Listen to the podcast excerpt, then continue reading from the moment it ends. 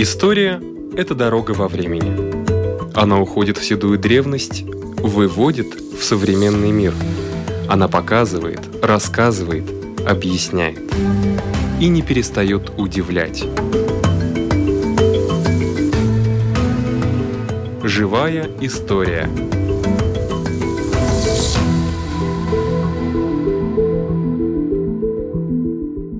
У микрофона Лидия Чера.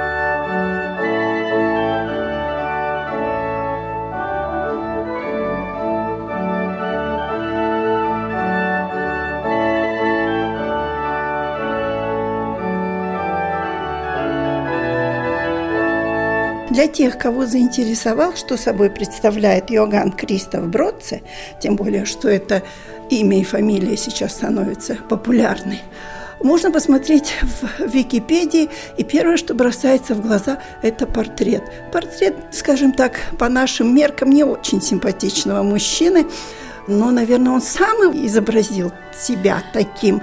Мой собеседник, доктор филологии и заведующая... Заведующая отделом редкой книги рукописи Академической библиотеки Латвии, Университета Латвии. Айя Тайменя. Так вот, это его собственный автопортрет? Ни в коем случае. Нет? Ни в коем случае. Это портрет старого человека. Он был уже совсем стареньким, 76 лет, и он уходит из работы – он всю жизнь проработал здесь, в городе Риге, был прилежным учителем, был очень ответственным и очень добросовестным педагогом. Он учил детей, молодежь в губернском лицее, Царский лицей, лицей да? что напротив Рижского дворца. Там проживал, и после 46 лет прилежной работы ушел он был директором этого? Нет, он не был директором. Не директор, старший он, преподаватель, Ну, да? вроде так, замдиректор. Он не имел никакого тщеславия, он не хотел заведовать огромной школой, но зато учил детей по совести, учил каждого, кто желал, и не только желал, но и смог, и тому, что он больше всего любил сам, то есть истории. Но он преподавал латынь, преподавал математику, немножко арифметику, преподавал немножко черчения, но в основном преподавал классические языки только некоторым учил кое-что из рисования. Так что он не был учителем рисованием, да. он не был художником, Тем более профессиональным. не был картографом. Он был энциклопедически образованным и очень тщательным человеком, и который очень любил свое занятие свободного времени, то есть исследование истории. Ведь он приехал в город Ригу совсем молодым человеком. Ему было только 26 лет. Он только что закончил два хороших университета в Германии по теологии – он сам родом из э, Герлиц, что теперь э, часть Чехии, но в то время это был один город э, в саксонском герцогстве, то есть чисто немецкая среда все-таки. И учился он на теолога, на да, духовника, да? Да, да. И сам не зная куда, но поехал в Дальний Север – поскольку его пригласили как молодого человека, ему предложили работу в Риге домашним учителем. И он поехал, не знаю куда. И очутился в Риге в месяце марта 1768 году. И так пошло. Дело. Ему было 26 лет. Ну, будем считать, 26-27, ну, да. так. Приехал молодой парень в чужую землю, зная только то, что это Рига, что нужен учитель, который может учить э, молодежь в доме, так принято было, основным предметом, ну, то есть подготовить к дальнейшей учебе, в основном языки. И немножко географии, немножко э, истории, немножко математики, немножко того всего другого. Так он проработал один год, но в этом доме, где он проживал, это была семья патрициев в городе Риге. Богатых и... Что значит патриция? Член городского управления, да. видный человек в городе, фамилия фон Вегезак. И фамилия фон Вегезак имела не только пристрастие, ну, отец фамилии, не только пристрастие к делам, он был очень успешный торговец, но он имел огромное пристрастие тоже к собиранию исторических источников. Mm. Он сам у себя дома создавал свою библиотеку. И юный Бродце попал в эту среду. И как он сам сказал, вот там я понял, что меня интересует. И с тех пор этот молодой приезжий, он не экселант, он не мигрант в прямом смысле, но все-таки приезжий, понял, что эта сторона Рига или Финляндии ему настолько интересна, что он видит, замечает и собирает информацию обо всем. Про историю, про старые тексты, про документы, про разные фамилии, про простроение, про градоустройство, про антропологию, про образ жизни. Собирает, пишет, делает заметки, собирает материалы, рисует все, что видит. Год из года, каждый год, в течение больше, чем 46 лет он делает это почти ежедневно, но только в свое свободное время, поскольку в остальное он должен заниматься детьми как учитель. Ведь это не только Лифляндия, это и Курляндия, это и Эстляндия, это и даже польские лифлянты. Это так получается в конце концов, но надо нам понимать, что с одной стороны, лето у нас короткие, и каникулы учителя того времени тоже короткие, еще короче, чем в наше время. У него осталось не очень много свободного времени, но он совершал или прогулки, или выезды на коне, на повозке. И он добрался до разных мест, до разных поместий, до разных городов. Но это одна сторона. Вторая сторона, что он имел довольно много единомышленников. И они вели переписку, они общались, они менялись известиями, они менялись и рисунками, и копиями документов. Он имел переписку с городом Тарту, он имел переписку с городом Аренсбург и Сарема, он имел переписку с разными людьми. Одну часть из них мы даже не знаем – и те, которые побывали там, где он сам не смог доехать, те присылали ему свои зарисовки или свои заметки. И так он все вроде обобщал. В принципе, он создал энциклопедию XVIII века Лифляндии, которая настолько уникальна, что надо всегда представить себе, что было бы, если этого не было не было создано. Так, если этого не было создано, мы все любим 10 томов монументы, то есть памятники лифлянской истории под обычным названием монументы Бродце. Если этого не было, это 10 томов, там около 3000 листов, мы совершенно не имели представления, как выглядел здание города Риги, как выглядели очень многие застройки ливлянских сельских территорий. Не только прекрасные, богатые поместья, но в основном как жили обычные люди, да. чем они пользовались, как устроена корчма, как выглядит э, деревенская кухня, крестьянская, которая строится на лето э, при доме. Не знали бы, как делали забор крестьяне, или ливлянские, или слянские. Он замечает все, он замечает такие детали, что даже можно удивляться до сих пор, почему он думал, что это важно. Если мы туристы, ну представим, мы туристы, мы приезжаем в другую страну, мы, мы общаемся с людьми, мы видим чужие города и, и места, мы ищем всегда красивые, ну такое видное, ну представительное. Но если мы приехали в другую страну, фотографировали ли мы простые вещи, ну, например, автомобиль? Чем они там едут. А вот он зарисовал, как едут крестьяне, как едут... Какие телеги. Какие, какие... телеги, какие двойные, или по одному, или в таком виде. В таком. Он собирал какой-то очень зорчий глаз, глаз ага. энциклопедиста, глаз исследователя. Он не имел интерес к лицам совершенно. Угу. Его люди как таковые, как эстетическая ценность, лица его не интересовал. Ему интересен был исторический процесс. Если этот человек что-нибудь важное сделал для истории страны, тогда он замечал это, описал, чем именно отличается, написал то, что он смог установить правдословную, что очень важно. Он также является первым, кто обратил внимание на старые памятники, гробовые плиты в церквях. А вот ведь 18 век не имел никакого интереса Это век просвещения, никакого интереса к средневековым памятникам. И это время еще не пришло. Было наоборот.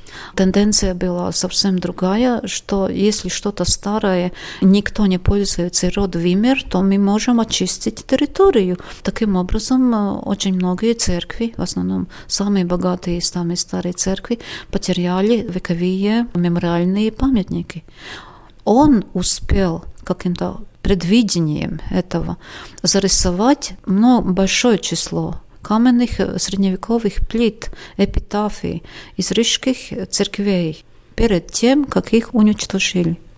Рижских или И вокруг рижских. Риги? Нет, рижских, в основном рижских. Мгм. И мы имеем теперь единственную возможность посмотреть на эти памятники в очень многих случаях, только благодаря бронзе. И если вы знаете, что в Домском соборе есть для всех христиан Латвии очень важное место захоронения первого епископа Мейнарда, то мы должны знать, что к концу XVIII века, 1786 году, это захоронение, это эпитафия было полностью уничтожено.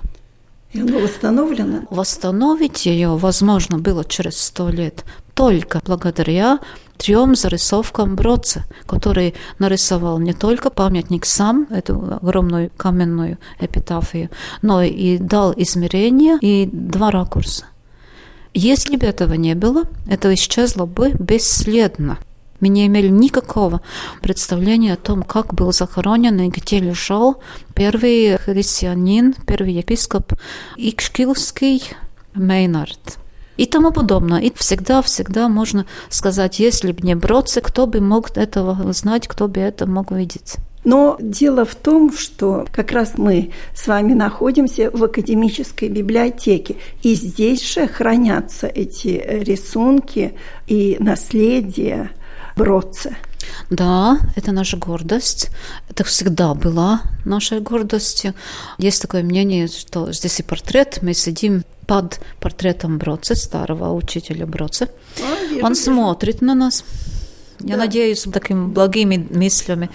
И можно сказать, что это гордость библиотеки не только нашего времени.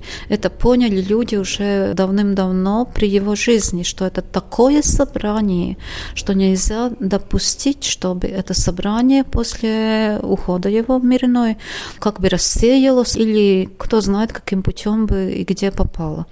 Поэтому это совершенно уникальный случай в истории города Риги, что его соратники и единомышленники затеяли собирание денег на то, чтобы город смог для общего пользования купить собрание, личное собрание Йохан Кристофа Бродца.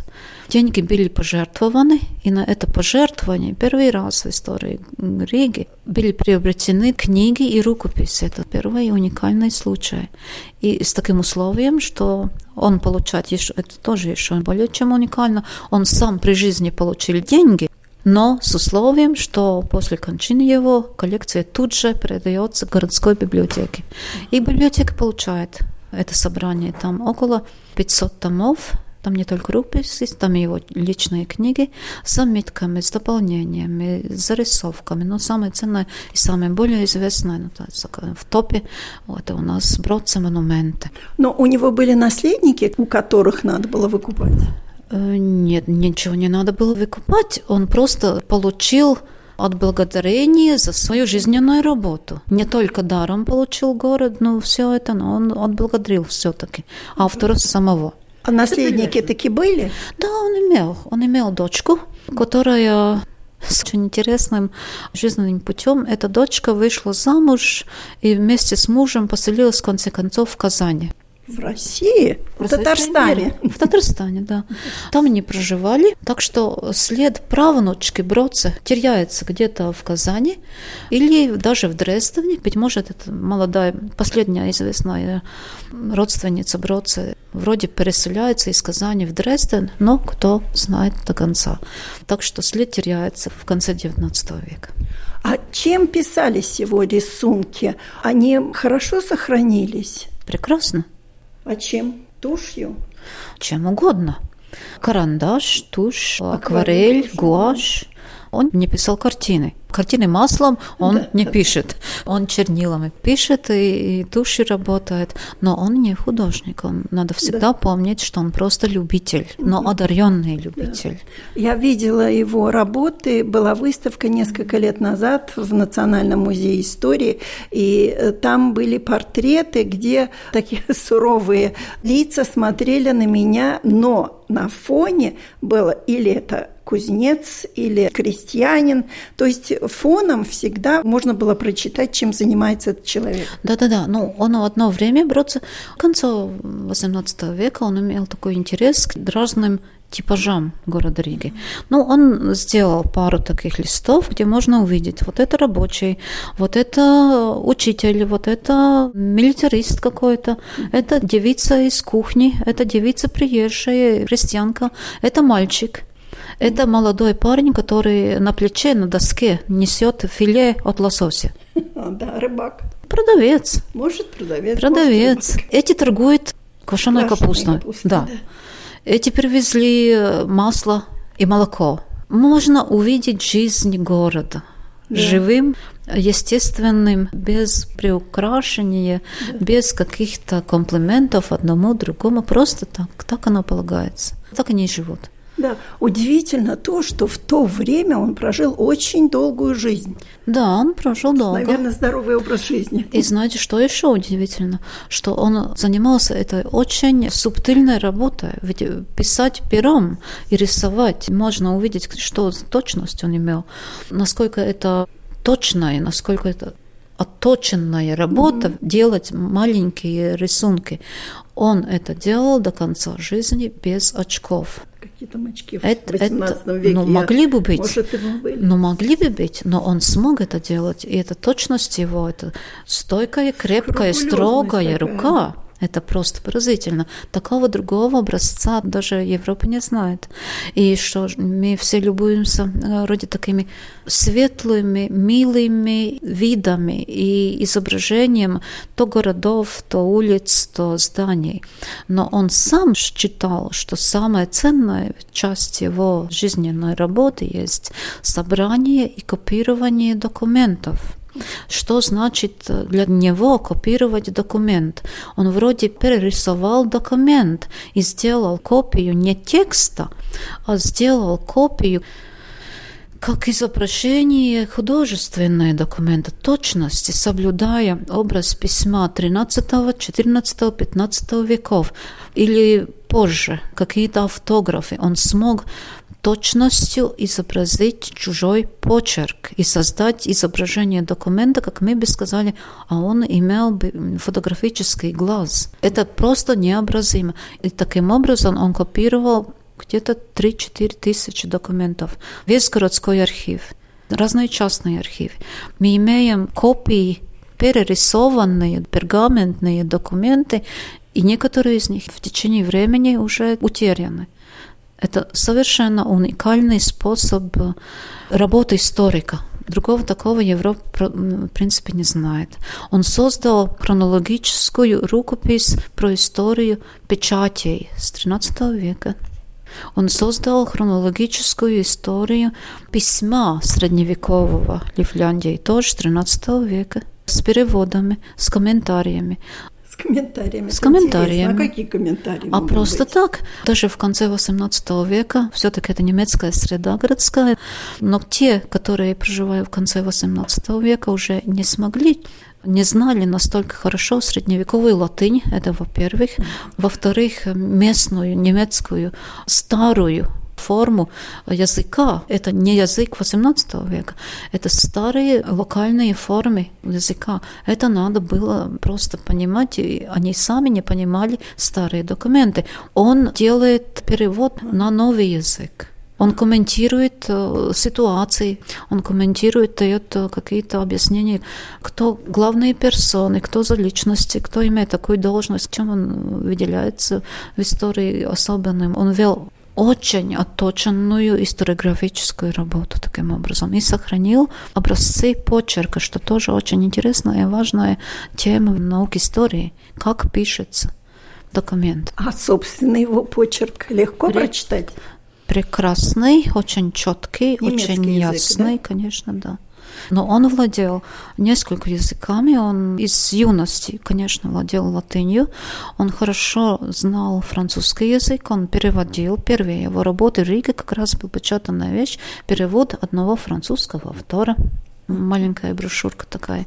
Французский, значит, знал немножко, кое-что понимал, и видно, что и в итальянском приехал в Ригу и в течение где-то полтора года научился латышскому языку, поскольку он очень желал стать священником. И это было невозможно, если не сдать э, экзамен и не читать проповеди выступительно на латышском языке. Но что-то там не получилось, место священника он не получил. Но язык все-таки знал ходить по селам, ему это пригодилось. Все пригодилось, все языки хороши. Немножко он учился и довольно успешно, но не до конца русскому.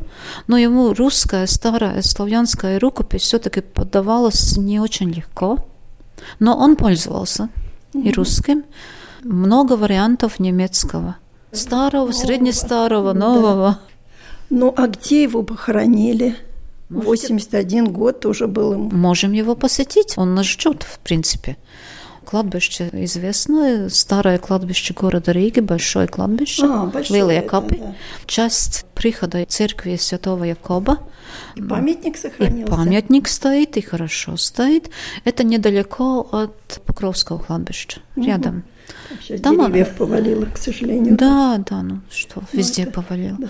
Но брод стоит, его можно посетить. Он, может быть, был бы рад тому, что его посещают. Да. В этом году мы отпраздновали 200 лет э, с его кончины. Это был трехдневное мероприятие, конференция научная и международная. Приехали немецкие сородичи, нет, не его самому, но эта инициатива пришла из Германии и историки Прибалтийского края германского происхождения, такие активные исследователи, решили, что они очень желали бы эту дату отметить. И это было сделано.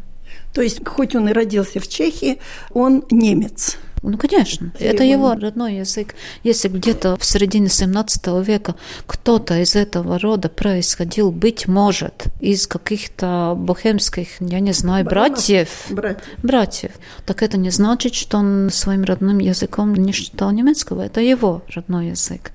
Но, конечно, в советское время из-за старание как можно легче устроить издавание его, из него старались сделать, э, ну, все-таки чешского человека, не немец, но все-таки социалистический да. Э, строй имеется, быть может, тогда разрешение на издательство будет получено легче.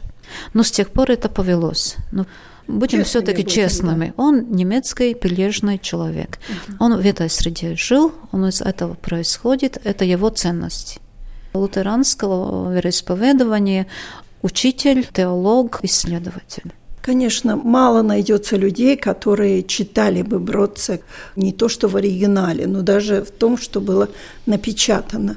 Жаль, правда? Надо стараться. Он сам сказал, что главное быть очень старательным и точным.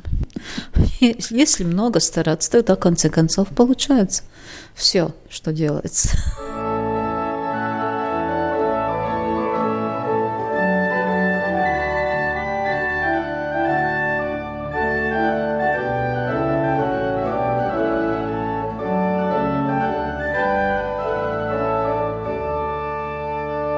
А знаете, что самое прекрасное?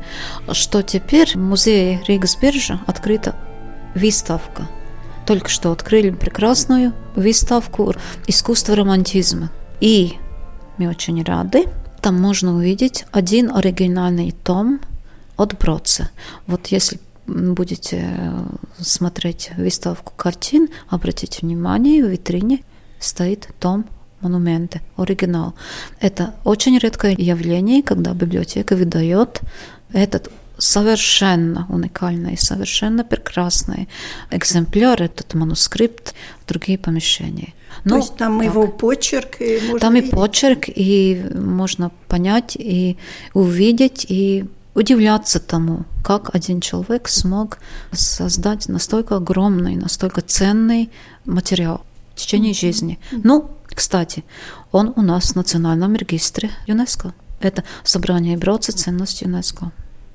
А это вышло при нем, вот это издание, которое можно увидеть Это на выставке? рукопись.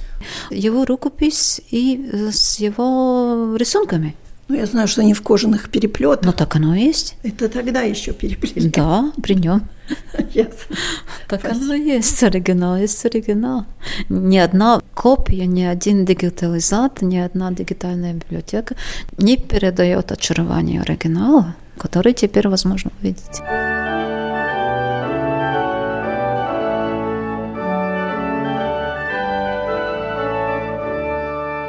Что же это за бумага такая? Это Это такой том. Мне тоже повезло. Наверное, за мое терпение и за мое внимание мне позволено посмотреть, что один том из десяти собраний разных памятников, видов Ливляндии. Монументы, акварели. Это почерк его бродца. Это ну, вид, это каллиграфия, конечно. ну, хороший почерк. Да, хороший почерк. Не будем называть каллиграфией, будем называть хорошим почерком. Да. Он ведь планы перерисовал, он э, рисовал простые здания, которые э, ушли, больше нет таких. Если бы не он, мы не знали, как предместье города Рига выглядели. Ничего не знали бы. Ну, это Цесис. Прекрасный такой летний вид. Другое место, другое поместье. Да, наверное, трудно найти теперь, где это Цессисе, что это за место. Кому очень интересно, могут Но попробовать. Это очень занимательная часть была бы быть э, для свободного провождения времени. Да. Все лучшие материалы, все изображения, все рисунки берутся изданы. Вот берите том Да. первый, второй, третий, четвертый, который Можно издан. даже дигитально, я знаю. Можно дигитально, можно и книгу. И пойдем искать, как выглядит то место теперь, которое тогда выглядело так. Я этим занималась. Прекрасная идея Когда для находишь именно да, этот да, момент, да. да. Вот как найти, и что менялось, и как поменялось, сейчас и как найти то место, откуда он смотрел на то, что он увидел Ага, тогда. С какой, да, Да. точки. И интересно, и не очень легко, но зато такая радость, когда получается. Но это крестный город Риги Катлакаунс. Катлакаунс Рамова. Совсем все по-другому. Ну, конечно. Это ж 18 век. Вот это и надо понять, что времена идут, и, и места меняются, но кое-что всегда остается. Да. И найти это. Ландшафт остается даже. Уходят деревянные домики, но все-таки они там были. И он нарисовал это, он увидел это, он, он посчитал это важным. Не все считают это важным. А это Но герб. Города Тарту. Герб, да. Города Тарту, но не Риги только. Там и эстонский материал очень Как все обширный и очень красиво. Старые Как планы. всё Старые чётко. планы города, Рижского городского замка, старый план парка, который совсем по-другому теперь, недалеко от нас, который гравюры. Что только он не считал важным, но важным для истории, для понятий, как мы жили, и откуда мы идем, и кем мы есть. Кем мы являемся? Да, Прекрасно. Ну, не знаю, вы говорите, что он не художник. Я все-таки вижу настроение тоже. настроения там много, вкуса очень много, рука прекрасная, но все-таки он не художник. Он очень старательный любитель, но художники немножко по-другому ведут себя, они свободнее, такими большими линиями рисуют. И тогда, и теперь. Спасибо, Но как говорят, лучше один раз увидеть, чем сто раз услышать. Вот я увидела. Но это прекраснейший вид на город Якобпилс. Панорама, можно Да. сказать. Такого больше никогда не увидим. Все поменялось. Да, и Даугава поменялось, и все Все поменялось. застроено, заросло. Поменялось кое-что. Ну так, так с ним. Спасибо. На этом наша передача заканчивается. Всего вам доброго.